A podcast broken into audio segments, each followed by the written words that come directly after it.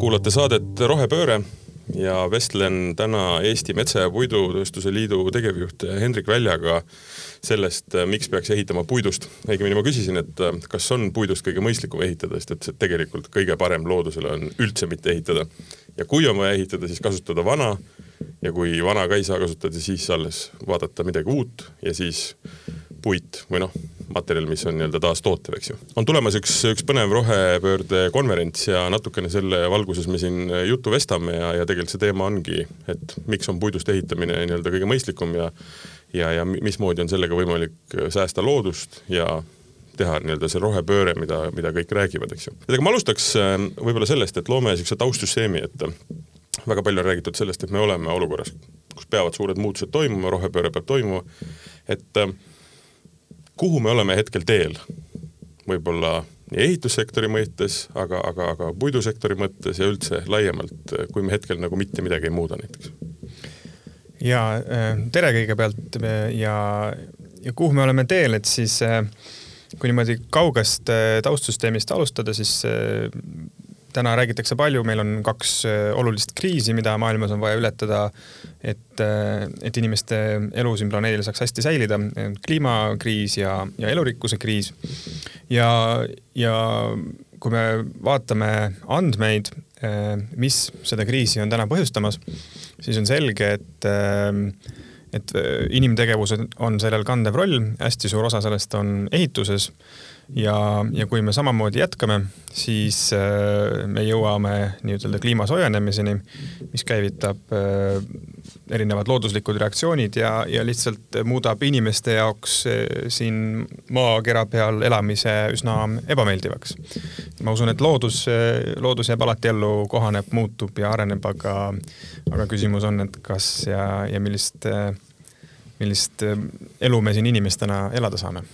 See tähendab seda, et liigirikkus väheneb veidrad nii-öelda kliimatingimused aina süvenevad, noh, me sel suvel nägime ka vist, ma ei tea, isegi mainitakse, et oli sajandi kõige soojem suvi Euroopas, eks ju, et kõik see nii-öelda võimendub ja toob kaasa endaga igasuguseid erinevaid raskuseid. Äh. jah, absoluutselt, eks ole, toidu tootmisest ja kuni siis äärmuslike ilmastikuoludeni, mis põhjustavad üleujutusi, nagu me täna näeme Pakistanis või, või kuumalaineid, mis seal sama, samas piirkonnas äh, sel suvel möllasid, et et, et inimesel võib lihtsalt minna üsna ebamugavaks, see olemine siin äh, maa, oma maakera peal ja, ja oma harjumuspärases keskkonnas, et et, et see on see põhjus tegelikult, miks meil on vaja hakata ühiskonnana oma äh, teekonda ja suunda natuke muutma et kui natuke analoogi tuua, siis ma arvan, et meie ühiskond on selline ütleme auto, mis sõidab kiirteel üsna kiiresti ja kiirtee peal on küll seni olnud igasuguseid kurve ja käänakuid, aga nüüd meile öeldakse, et vaadake, see kiirtee saab siin otsa. ja te peate selle pealt maha pöörama. ja, ja me täna peame mõtlema nüüd selle peale ja otsima neid lahendusi, et see mahapööramine selle kiirtee pealt oleks võimalikult lauge Eh, sest et kui me üritame saja kahekümne kilomeetrise tunni kiir-, tunni kiirusega inimesi täis autoga teha võib-olla üheksakümne kraadist kurvi, noh siis see ei pruugi väga hästi mõtelda või väga hästi juhtuda. ja, ja meie eesmärk oleks leida selliseid natuke laugemaid kurviversioone ja, ja see tänane teema, et miks ehitada puidust, on siis üks üks nendest paljudest äh, lahendustest või võimalustest, kuidas seda kurvi natukene nagu laugemaks teha, et, et see muutus, mida ühiskond peab hakkama läbi viima, ei, ei oleks äh, nii järsk, et raputaks äh, ja, ja nii-öelda halvaks meie toimimist. jah, vaata globaalses mõttes on nagu hästi selgelt mõistetav, et noh, me oleme nii-öelda piisavalt kõrgel laiuskraadil, et meil kui läheb soojemaks, ei ole nagu nii väga-väga suur hullu, kasvatame ikkagi oma toidu ära ja kõik on hästi noh, relatiivselt, kuskil nii-öelda maailma siis nii-öelda ekvaatori poole asjad lähevad ikkagi väga hulluks. aga kui me mõtleme, mis muutused on siin meil Eestis, on ju, noh, nii-öelda võib-olla meie enda nahal tuntavad, siis kas või seesama asi, kui me räägime ehitusest, siis meie majad tegelikult ei ole selliste soojadega elamiskõlblikud, nagu näiteks ka sellel suvel oli, meil ei ole jahutust, sest me oleme alati elanud külmas kliimas ja piisav on olnud alati see, et teed akna lahti. Et me tegelikult jõuame mingisse teistsugusesse fooni, kus võib tunduda, et see väikene pisiasi, et toas on temperatuur kõrge ja jah, ei ole jahutust, noh, elame üle. aga tegelikult kogu elu muutub äh, ebaefektiivsus suureneb, sinu tuju on noh, mis iganes asjad, eks ju, et tegelikult need mõjud on olemas juba täna. et juba täna on tegelikult Euroopas energiatarve jahutamiseks suurem kui energiatarve kütmiseks. ehk siis, et meie oleme siin tõesti harjunud peamiselt tegelema kütmisega, aga, aga liigume ka siis olukorda, kus peame hakkama jahutama. aga loomulikult kõige parem oleks äh, hoida ära seda olukorda, et, et see vajadus nii suureks äh, läheb um, kui ma seda saadet ette valmistasin, siis see selline nii-öelda teema, millest me rääkima hakkame, oligi see, et kuidas äh, saada puiduga kliimamuutuste vastu. et kui sa natukene laiendaks seda, et mis see tähendab puiduga kliimamuutuste vastu? Äh, jah, et kui, kui siin algus, alustasimegi nii-öelda kliima ja elurikkuse teemadest, siis umbes nelikümmend protsenti äh, süsinikdioksiidi heitmetest maailmas on, on seotud ehitussektori ja ehitatud inimeste keskkonnaga, et see on väga-väga suur hulk. Ja, ja kui me nüüd vaatame seda eesmärki, mis ÜRO poolt globaalselt on seatud, et hei, et hoida soojenemist alla pooleteise kraadi tööstuseelse taseme, siis me näeme, et selleks, et seda saavutada, on vaja väga suuri muutuseid äh, ühena siis just nimelt äh, ehitussektoris ehitatavas keskkonnas. sest et kui me jätkame tänasel viisil ehitussektori tootmist, siis meil on äh, aastaks kaks tuhat viiskümmend, kui me peaksime jõudma kliimaneutraalseks, siis tänase niisuguse tootmispõhimõtete jätkamisega me tegelikult ületame kaks korda seda süsiniku emissiooni eesmärki, millega on võimalik selle, selle piiri mm. sisse jääda. ja see on ainult, ainult äh, betooni ja terase toos-, tootmisest. see ei sisalda kõiki muid inimtegevuse valdkondi ehk siis ehitussektor on kindlasti üks neid valdkondi, mis peab läbima väga, väga radikaalse muutuse, et seda pooleteistkraadise kliima soojenemise eesmärki saavutada. Ja, ja puitmaterjalina tuleb siin mängu siis äh, läbi selle, et tegemist on ju vägagi traditsioonilise ja tuttava ehitusmaterjaliga meile. küll natukene unustatud, sest et vahepeal tehnoloogiline võimekus ei, ei lubanud meil sellest kõike ehitada, mida me sooviksime. aga, aga nüüd on see nii-öelda piirang ületatud ja, ja täna me saame seda vaadata, tegemist on siis isekasvava taastuva loodusliku materjaliga, mis selle kasvamise käigus eemaldab atmosfäärist ka süsinikku, paneb selle sinna puu sisse lukku ja nüüd, kui me võtame selle puu ja ehitame sellest maja, see süsinik on seal puu sees lukus ja samal ajal me saame kasvatada uut metsa. ja kui me võrdleme, et äh, sellega, et kui me süsinikku lihtsalt hoiaksime metsas, siis puidust ehitamise eelis seisneb selles, et meil tekib justkui kaks süsinikupanka. Äh, meil tekivad hooned ja meil tekivad, äh, meil metsad kasvavad ja seovad süsinikku. ehk siis me suudame kokkuvõttes suuremat hulka süsinikku atmosfäärist ära võtta kui, kui lihtsalt äh, seda nii-öelda süsinikku metsas hoides. ja, ja see on suuresti see väärtuspakkumine, ehk siis ehitussektori süsiniku heitme muutmine sisuliselt süsiniku sidumiseks. Lähme puidujutuga natuke pärast edasi, ma küsin sellise asja, et äh, ma mainisin nii-öelda sissejuhatuses tegelikult sinu sõnu, eks ju, et et kõige parem oleks üldse mitte ehitada, siis ehitada vanast või, või uuendada vana ja siis alles minna nagu uue ehitamise juurde kui me räägime mittepuidust äh, ehitamisest, siis tegelikult nii-öelda ka vana kasutamine on ju tegelikult mõistlik. aga siin vist on probleem selles, et tegelikult seda nii-öelda vana betoonimaterjali ei ole võimalik selliselt kasutada, nagu oleks äh, mõistlik ja kui me räägime vana kasutamisest, siis eelkõige ma mõtlen selle all nii-öelda rekonstrueerimist, kus me hoiame vanu konstruktsioone ja näiteks äh, sisustame nad siis äh, noh, uue sisuga, soojustame fassaadid ja, ja nii edasi, et, et see on lihtsalt oluline küsimus on see, et, et kui palju me paneme nii-ütelda energiat ja materjale protsessi sisse, ehk siis mõlemad nii energia, kliimamuutuste kontekstis on üks kriitiline küsimus, mille tarbimist tuleb vähendada ja mille tootmisallikaid tuleb muuta taastuvateks. ja teine on siis materjalid, materjalide varumine maailmas põhjustab üheksakümmend protsenti elurikkuse kaost, see on siis kaevandamised, maakasutuse muutused, kui tehakse nii-öelda, ehitatakse infrastruktuuri ja, ja selle jaoks kaevandatakse erinevaid allikaid. ja omakorda üheksakümmend, sellest ühe, üheksakümnest protsendist materjalidest, mis, mis, mis varutakse, viiskümmend protsenti jõuab ehitusesse.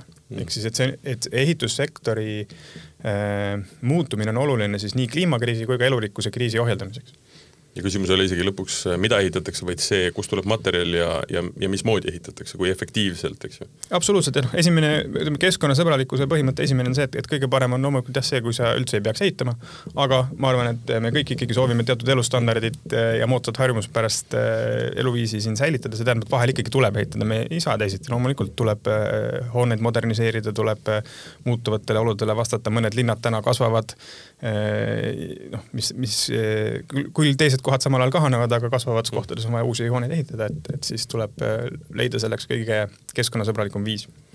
Ehk et kui veel kord mitte kohe puidu juurde minna, siis kõige mõistlikum on ikkagi ka need ehitised, mis täna olemas on, hoida neid võimalikult heas seisus ja kasutada neid pidevalt, mitte noh, Eestis muidugi tehakse seda üsna vähe, ma ei tea, kuhu me nüüd oleme teel Äh, mujal maailmas on seda rohkem näha, et mingil hetkel ajastu saab läbi, on see kümme aastat, kakskümmend aastat, maja lükatakse kokku ja ehitatakse täiesti uus. Yeah.. mis meie vaates tundub nagu nonsenss selles mõttes, et mina ma ei tea, on olemas maju, mis olid enne mind äh, tuhandeid, tuhat aastat ja on ka pärast mind tõenäoliselt, eks ju, et meile see mõtteviis praegu minu arust ei ole veel omaseks saanud. et loomulikult, et kui me võtame hoone, mis on juba ehitatud, siis energia on juba kulutatud, materjal on juba loodusest äh, välja võetud, äh, raha on ka juba kulutatud, kui me mõtleme klassikaliselt majanduslikult, et äh, mida kauem on võimalik seda ekspluateerida, seda parem on see nii loodusele kui ka sisuliselt võiks öelda noh, nii-öelda rahalisest aspektist.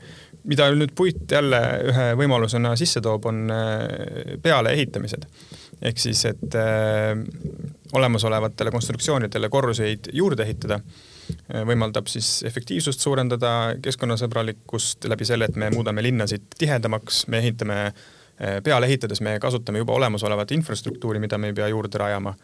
ja, ja, ja see on siis ka üks väga hea viis, kuidas äh, ehitusse keskkonnasõbralikkust suurendada.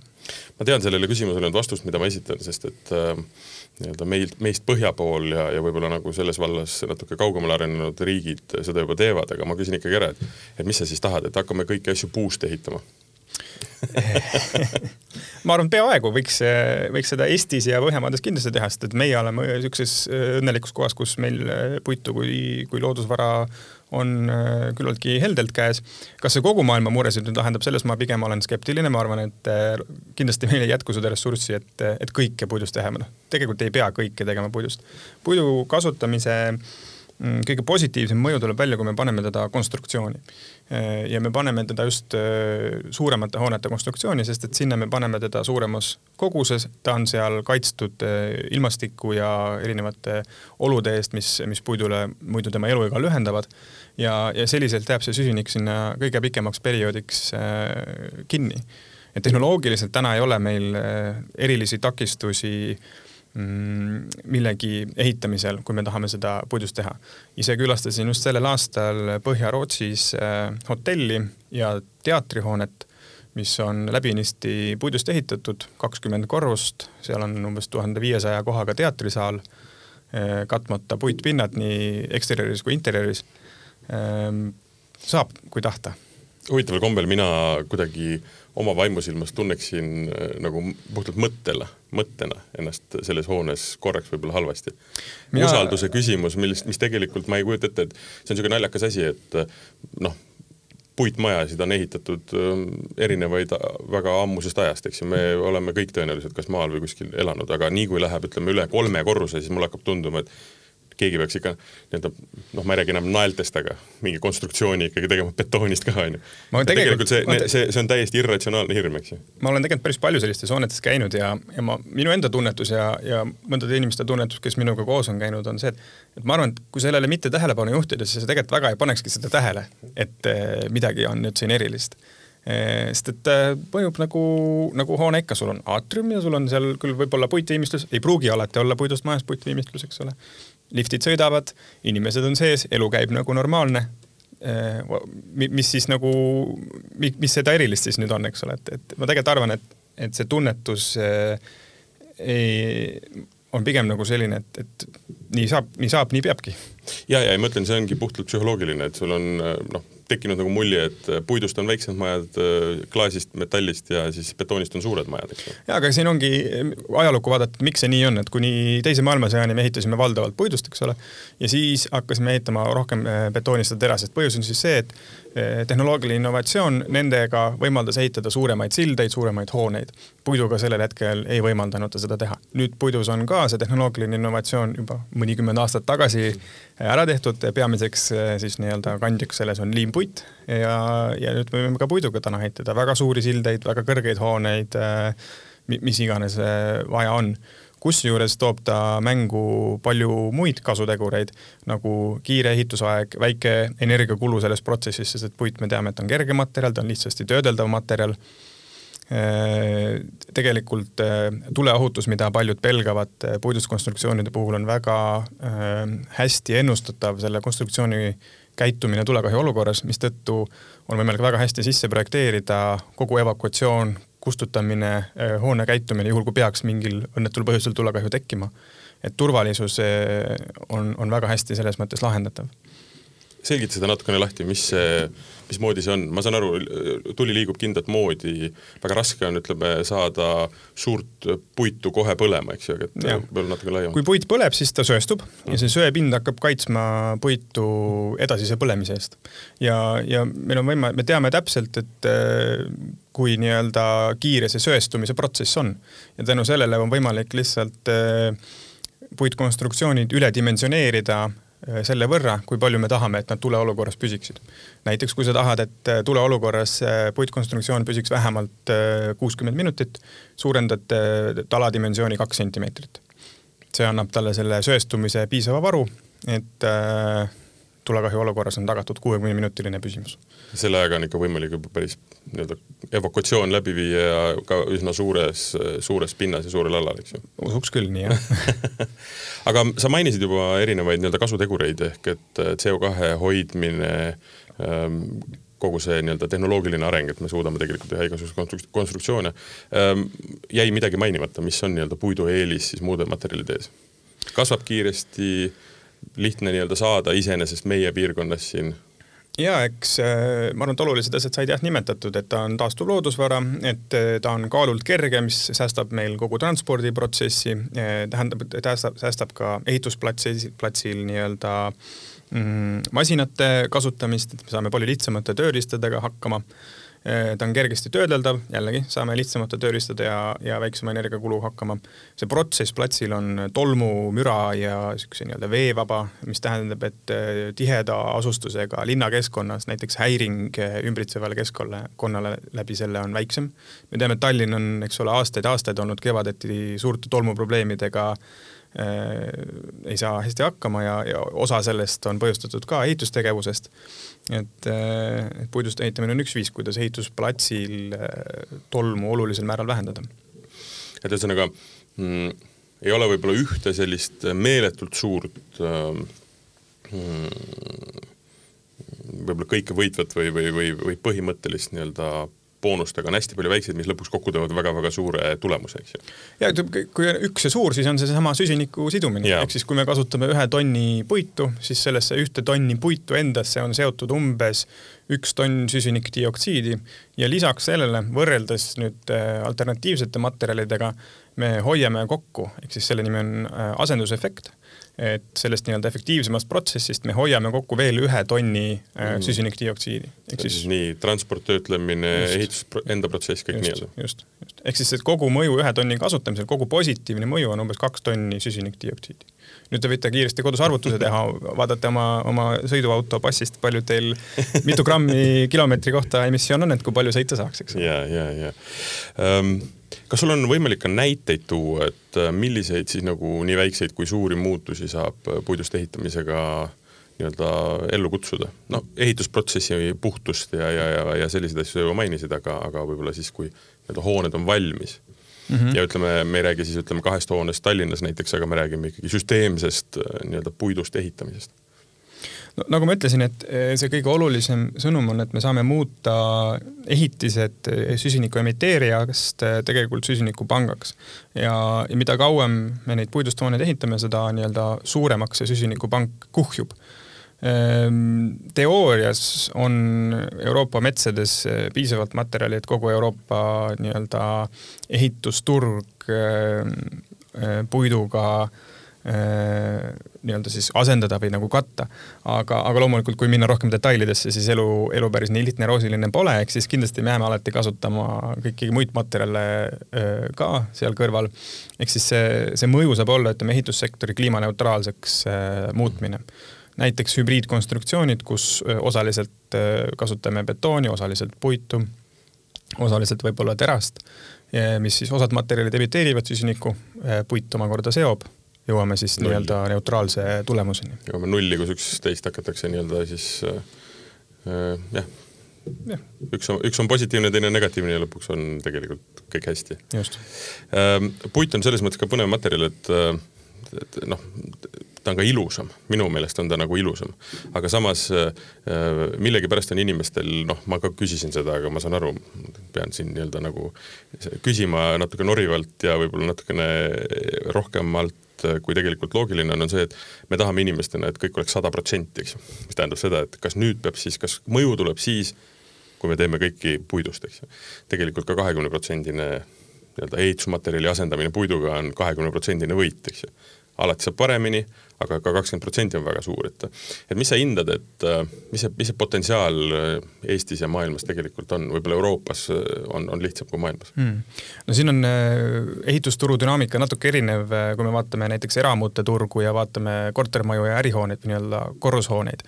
et kui me vaatame eramute turgu, siis tegelikult täna siin Põhja-Euroopas on äh, puidust konstruktsioonidel juba päris suur äh, osakaal, et äh, sellel turul, ma arvan, me väga suurt läbimurret enam ei saavuta, et kuigi tõsi ta on, et Eestis ta on madalam kui, kui näiteks Soomes ja, ja Rootsis ja ka Ameerika Ühendriikides, et nendes riikides on see tihti sihuke kaheksakümmend, üheksakümmend protsenti eramutest on puitkonstruktsioonil juba täna.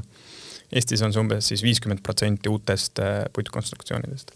aga kui me vaatame nüüd neid korrushooneid, mida ehitatakse, ehk siis büroohooneid ja, ja kortermaju siis äh, no tuleb tõdeda, et ma arvan, et väga järsku kiiret muutust seal saavutada ei ole võimalik äh, selle tõttu, et meil ei ole täna olemas neid tootmis, tootmisvõimsusi, et, äh, et koheselt kogu seda turgu materjaliga siis nii-öelda varustada.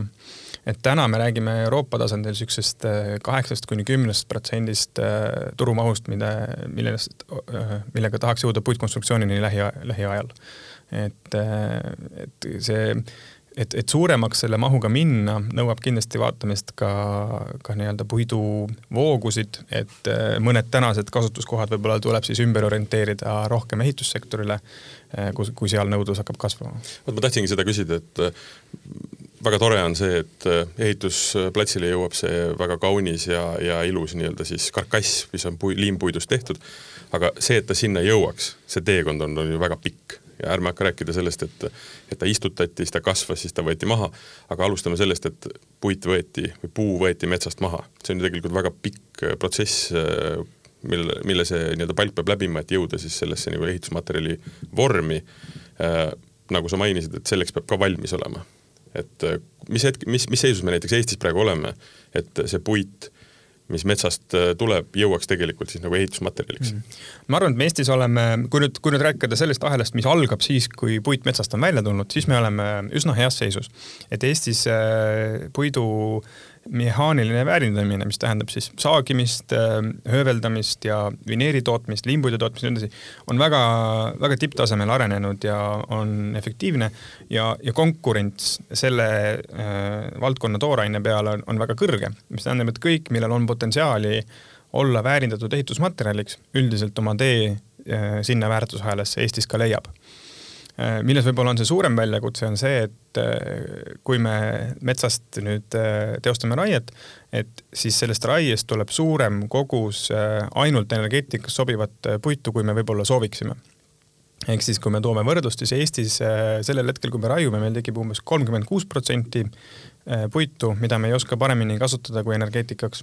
samal ajal Soomes on see number umbes üksteist protsenti ehk siis üle kolme korra suurune vahe. mis sa tahad siis öelda seda, et see puit, mis peaks ehitusmaterjali minema, on lihtsalt niivõrd palju kallim? või, või ei osata teha selle, selle muuga?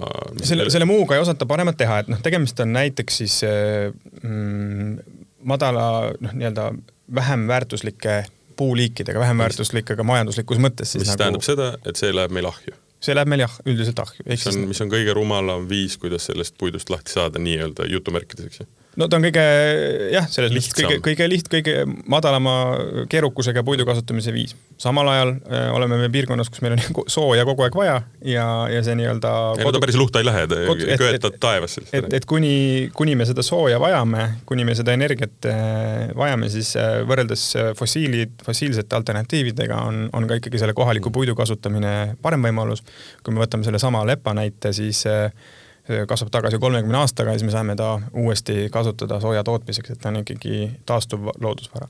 ja noh, lisaks, mis leiab oma tee energeetikasse, loomulikult on nüüd siis selles palgi väärindamise protsessis te tekivad jäägid. ehk siis, kui me jõuame lõpuks välja selle äh, liimpuittalani, siis me saame öelda, et tegelikult selle äh, prots-, tootmise protsessis on toodetud rohkem taastuvenergiat, kui äh, on kulutatud äh,. sellest saepurust äh,, koorest okstest mm. ja kõigest, mis nagu selle protsessi kõrvalsaadusena tekib. ehk et äh, kuna meil see protsent nii-öelda selle, ma ei, nii-öelda mitte siis ehitusmaterjaliks mineva puidu osas on niivõrd suur, siis ka kasutegur sellest puidust ehitamisest on noh, väiksem, eks ju no oleks loomulikult parem, kui meil läheks suurem äh, äh, kogus puitu pikaajalisse tootesse, siis me saaksime suurema süsinikupanga äh, ehitusesse selle kaudu luua. nüüd see vajab omakorda metsamajandamisvõtteid, mille mõju on, on pikaajaline, et kahjuks siin me nagu lühiajaliselt ei suuda mitte midagi muuta see on asi, mis me peame omale eesmärgiks seadma siin järgmist metsapõlvkonda kasvatades, et, et seal siis Äh, puude nii-öelda koosseis ja kvaliteet oleks sobilikum pikaajaliseks väärindamiseks. et me ei lase lihtsalt metsal kasvada, vaid me tegelikult ikkagi majandame teda? me ikkagi majandusmetsa peame suunama oma arengusse, et ütleks, see on niisugune poollooduslik areng, kus äh, näiteks istutamise teel me soodustame teatud puuliikide mm, nii-öelda siis äh, valdavaks muutumist, et okaspuu, mis muidu looduslikult võtaks rohkem aega, me istutame teda, et ta saaks kiiremini tulla. looduslikult tuleb sinna loomulikult teisi puuliike ja kõike muud veel ka vahele Äh, ja siis me nii-ütelda harvendus- ja, ja valgustusraietega parandame neid äh, kasvutingimusi, et need puud seal metsas kasvaksid sirgemad ja noh, jämedama tüvega, et nad siis omakorda sobiksid paremini sellesse ehitussektorisse tooraineks mm. -hmm ütled, et see pool on meil nii-öelda, sellega on vaja veel tegeleda ja seal kiireid lahendusi ei ole, arusaadavalt puu kasvab täpselt nii kiiresti, kui ta kasvab äh,. hästi on sellega, kuidas me mehaaniliselt väärindame seda palki, eks ju kui valmis on aga need, kes äh, nii-öelda selle maja eest maksavad ja selle maja ehitavad? Äh, no ma arvan, et Eestis kindlasti meil on veel äh, teavitustööd teha, et kindlasti Eestis mõneti selline taak nende, nende puidust hoonetega kindlasti on sellest perioodist, kui nende kvaliteet polnud suurem asi või, või lihtsalt ei olnud paremaid võimalusi ja siis on jäänud niisugune kergelt äh, Äh, võib-olla kehv maik neile külge, et kui me võtame täna väga populaarne piirkond äh, Kalamaja, eks ole, oli ka vanasti Agul, kus kõige vähem taheti olla. aga ta on äh, nii-öelda muudetud uuesti atraktiivseks, et selle ja, puit, puidust. puitmajad. puitmajad ja selle puidust ehitusmaterjaliga on täna samamoodi, et natuke tuleb neid müüte murda inimeste seas kindlasti. et ka puitmaja võib olla väga pika eaga, väga hea elukeskkond ja, ja väga hea äh, ehitada. aga ma usun, et, et siin kindlasti nii-öelda pealekasvav põlvkond on ka avatum sellele eh, mõttele, eh, on võib-olla paremini kursis uute tehnoloogiate ja, ja võimalustega. muidugi siinkohal tuleb ka üle rõhutada, et, et puit on tundlikum eh, ehituse kvaliteedi ehitusvigade suhtes. et kui inimene hakkab omale ehitama eramaja puidust, ma kindlasti soovitan väga palju äh, tähelepanu pöörata sellele, et oleks kvaliteetne projekt, et oleks professionaalne ehitaja, ideaalis võiks seda nii-öelda toota ikkagi tehases kontrollitud tingimustes.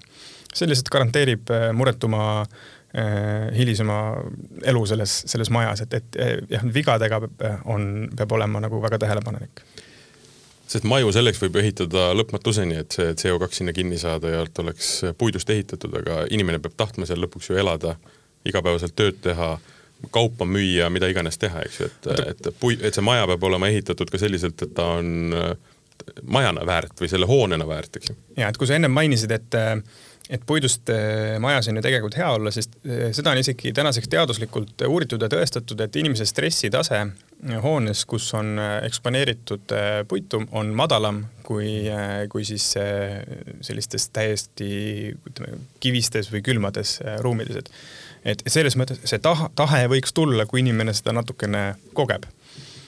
Mina olen üks inimene, kes jah, väga ei usu nii-öelda erinevatesse energiatesse või, või, või sellistesse asjadesse, aga ma pean möönma, et mm, me teame seda, et äh, puuga köetud keris on parem, äh, kui on elektriga köetud keris sisuliselt toimub füüsikaline reaktsioon, äh, nii-öelda energia üleminek ühelt, ühelt nagu siis kanalilt teisele või ühelt ainelt teisele kuidas on võimalik, et seal on nii-öelda teine maitse küljes, eks ju. või samamoodi, kui küpsetada nii-öelda puupliidi peal puder, ta maitseb teistmoodi.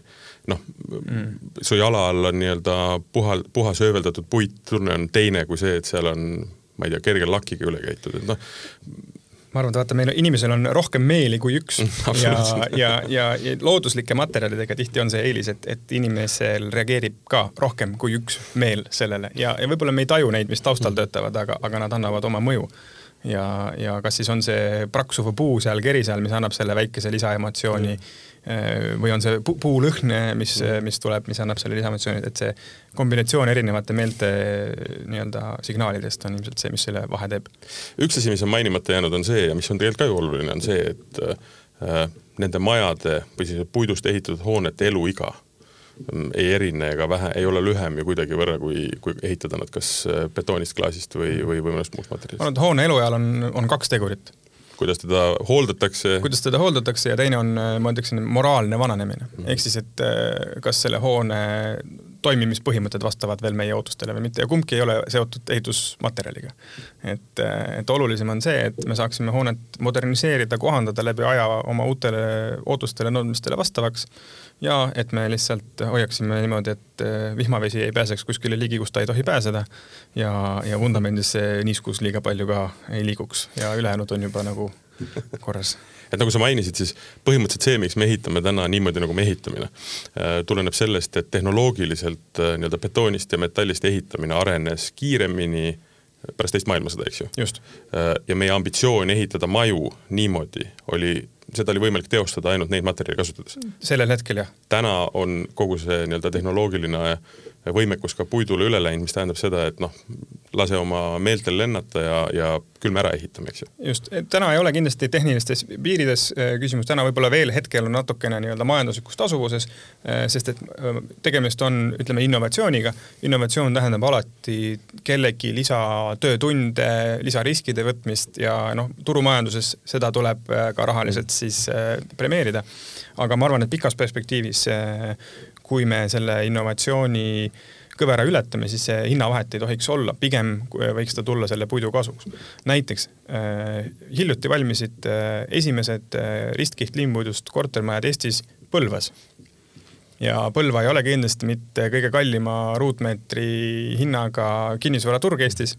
Kui seal oli võimalik ehitada ristkiht liimpuidust äh, kortermaja müügiks, siis ma usun, et on kindlasti seda võimalik teha ka Tallinnas ma nägin saadet selle maja ehitamisest, see nägi väga täiesti tavaline, normaalne korrusmaja välja. ma arvan, et seal sees on väga-väga mõistlik elada jah, ma just nägin värskeid äh, fotosid äh, interjöörist ja, ja nägi väga hubane välja ja ma ei ole ammu sellist, sellist väga mõnusa tundega uus, uusehitist näinud. Kliimaneutraalsus on sõna, mida me tegelikult teame, eks ju, ja ma saan aru, et ehituses on, on Põhjamaad võtnud vastu väga konkreetsed äh, nii-öelda aastad, millal nad sinna tahavad ehituses jõuda, aga nüüd on üks lau-, üks nii-öelda samasugune fraas, millest mina muuseas ei teadnud, on, on kliimanegatiivsus mm. -hmm. kas sa seletad korraks lahti selle, mis see tähendab ja mis see ehituses tähendab? no ehituses ta siis tähendabki seda, et äh, see kogus süsinikku, mis me lukustame hoonetesse, mis on hiljuti atmosfäärist äh, näiteks siis puitu seotud, on suurem kui see, mida me emiteerime. ehk siis me vähendame sisuliselt äh, süsinikdioksiidi kogust atmosfääris.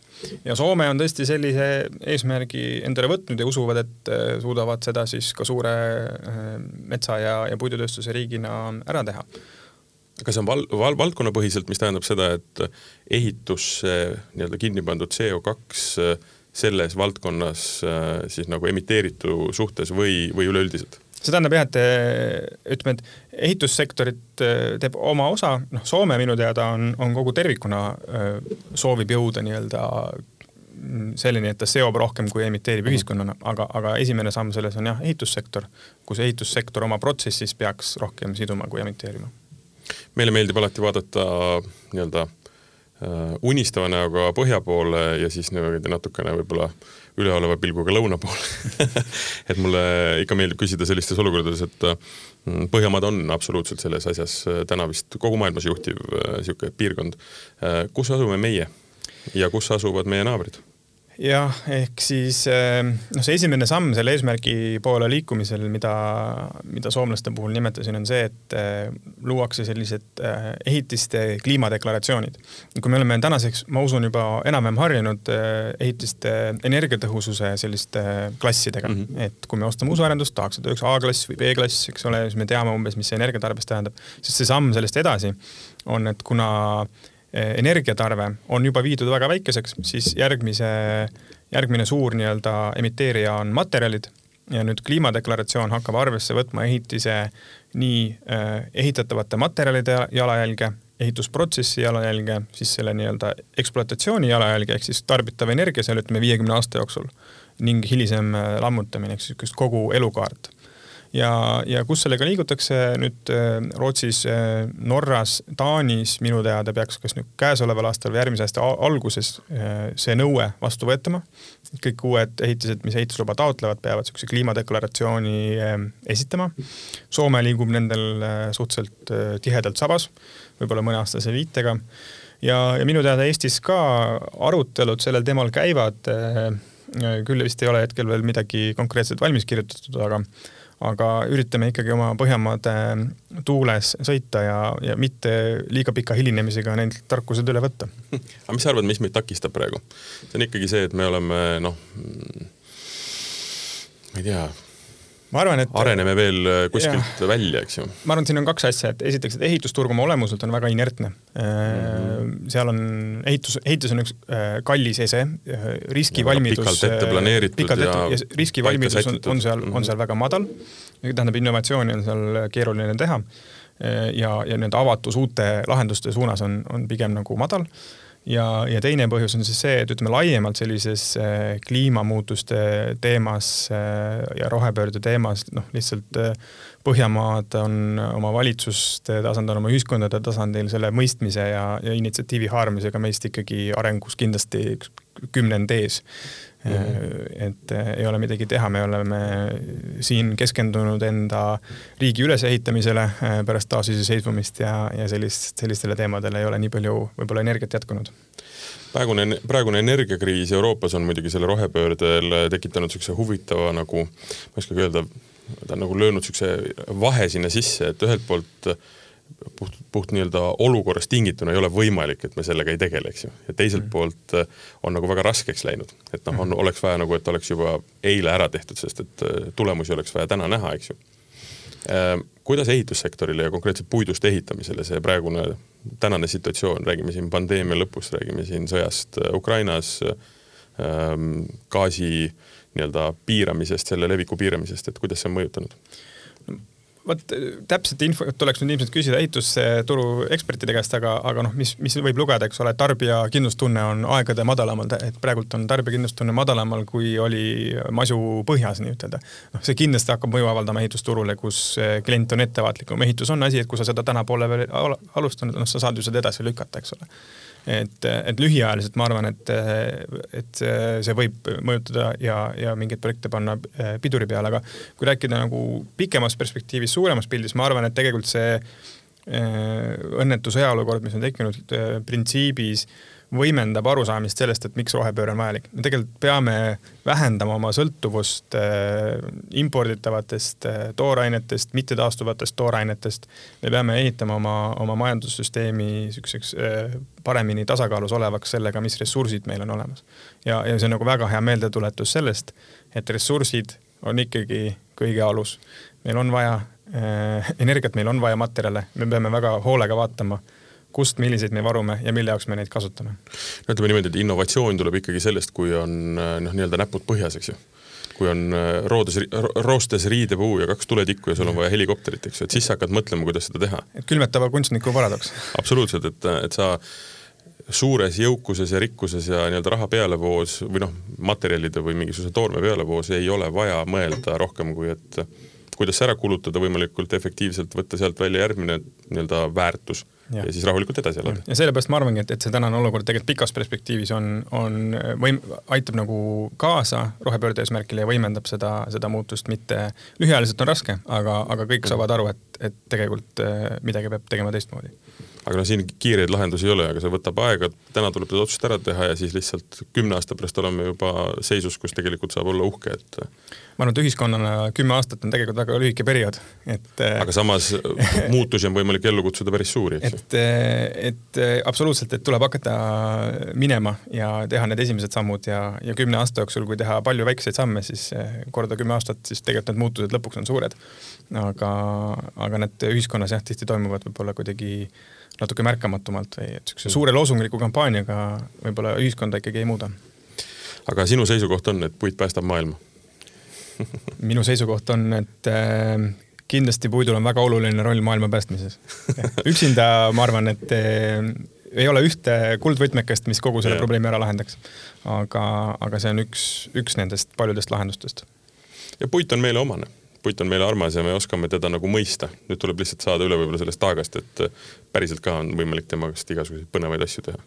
Ja absoluutselt, ma, ma kindlasti soovitan inimestel käia lahtiste silmadega ringi, et tänaseks on, on Eestisse hakanud kerkima ikkagi väga ilusaid ja silmapaistvaid puidust hooneid, võtame Viimsi riigigümnaasium, Narva Sisekaitseakadeemia hoone, Saue vallamaja Äh, siis nüüd nimetatud Põlva kortermajad, et, et neid väga positiivseid ja ilusaid äh, näiteid äh, muudkui tuleb aga juurde. no täna me rääkisime ehitamisest, eks ju, aga noh, puidust on võimalik ka nii-öelda veel kolmandal-neljandal nii-öelda tasemel võtta välja noh, keemiliselt ja, ja, ja termiliselt erinevaid asju, mida mida iganes. mida iganes, eks ju, väga lai, väga laia spektriga tooraine. jah, et noh, kõik on võimalik lõpuks lagundada kuni süsinikumolekulini ja siis sellest panna kokku täpselt seda, mida parasjagu vaja on, et, et puidust viiskümmend protsenti on süsinikumolekul ja mm. seda saab siis kasutada nii-öelda keemilise ehitusplokina, milleks vaja. ja metsa meil on, teda tuleb nüüd hästi majandada, siis saab temast ehitada ja, ja kõigil on parem. nii on saade, mida te kuulasite, oli Rohepööre Äh, ma rääkisin Eesti Metsa- ja Puidutööstuse Liidu tegevjuht Hendrik Väljaga sellest, kuidas, äh, nagu me siin kokku leppisime kuidas puit päästab maailma, aga kuidas puit äh, nii-öelda ehitussektoris tegelikult on võimeline esile kutsuma suuri muutuseid. järgmine saade tuleb sellest, kuidas me mõnes järgmises valdkonnas seda rohepööret teeme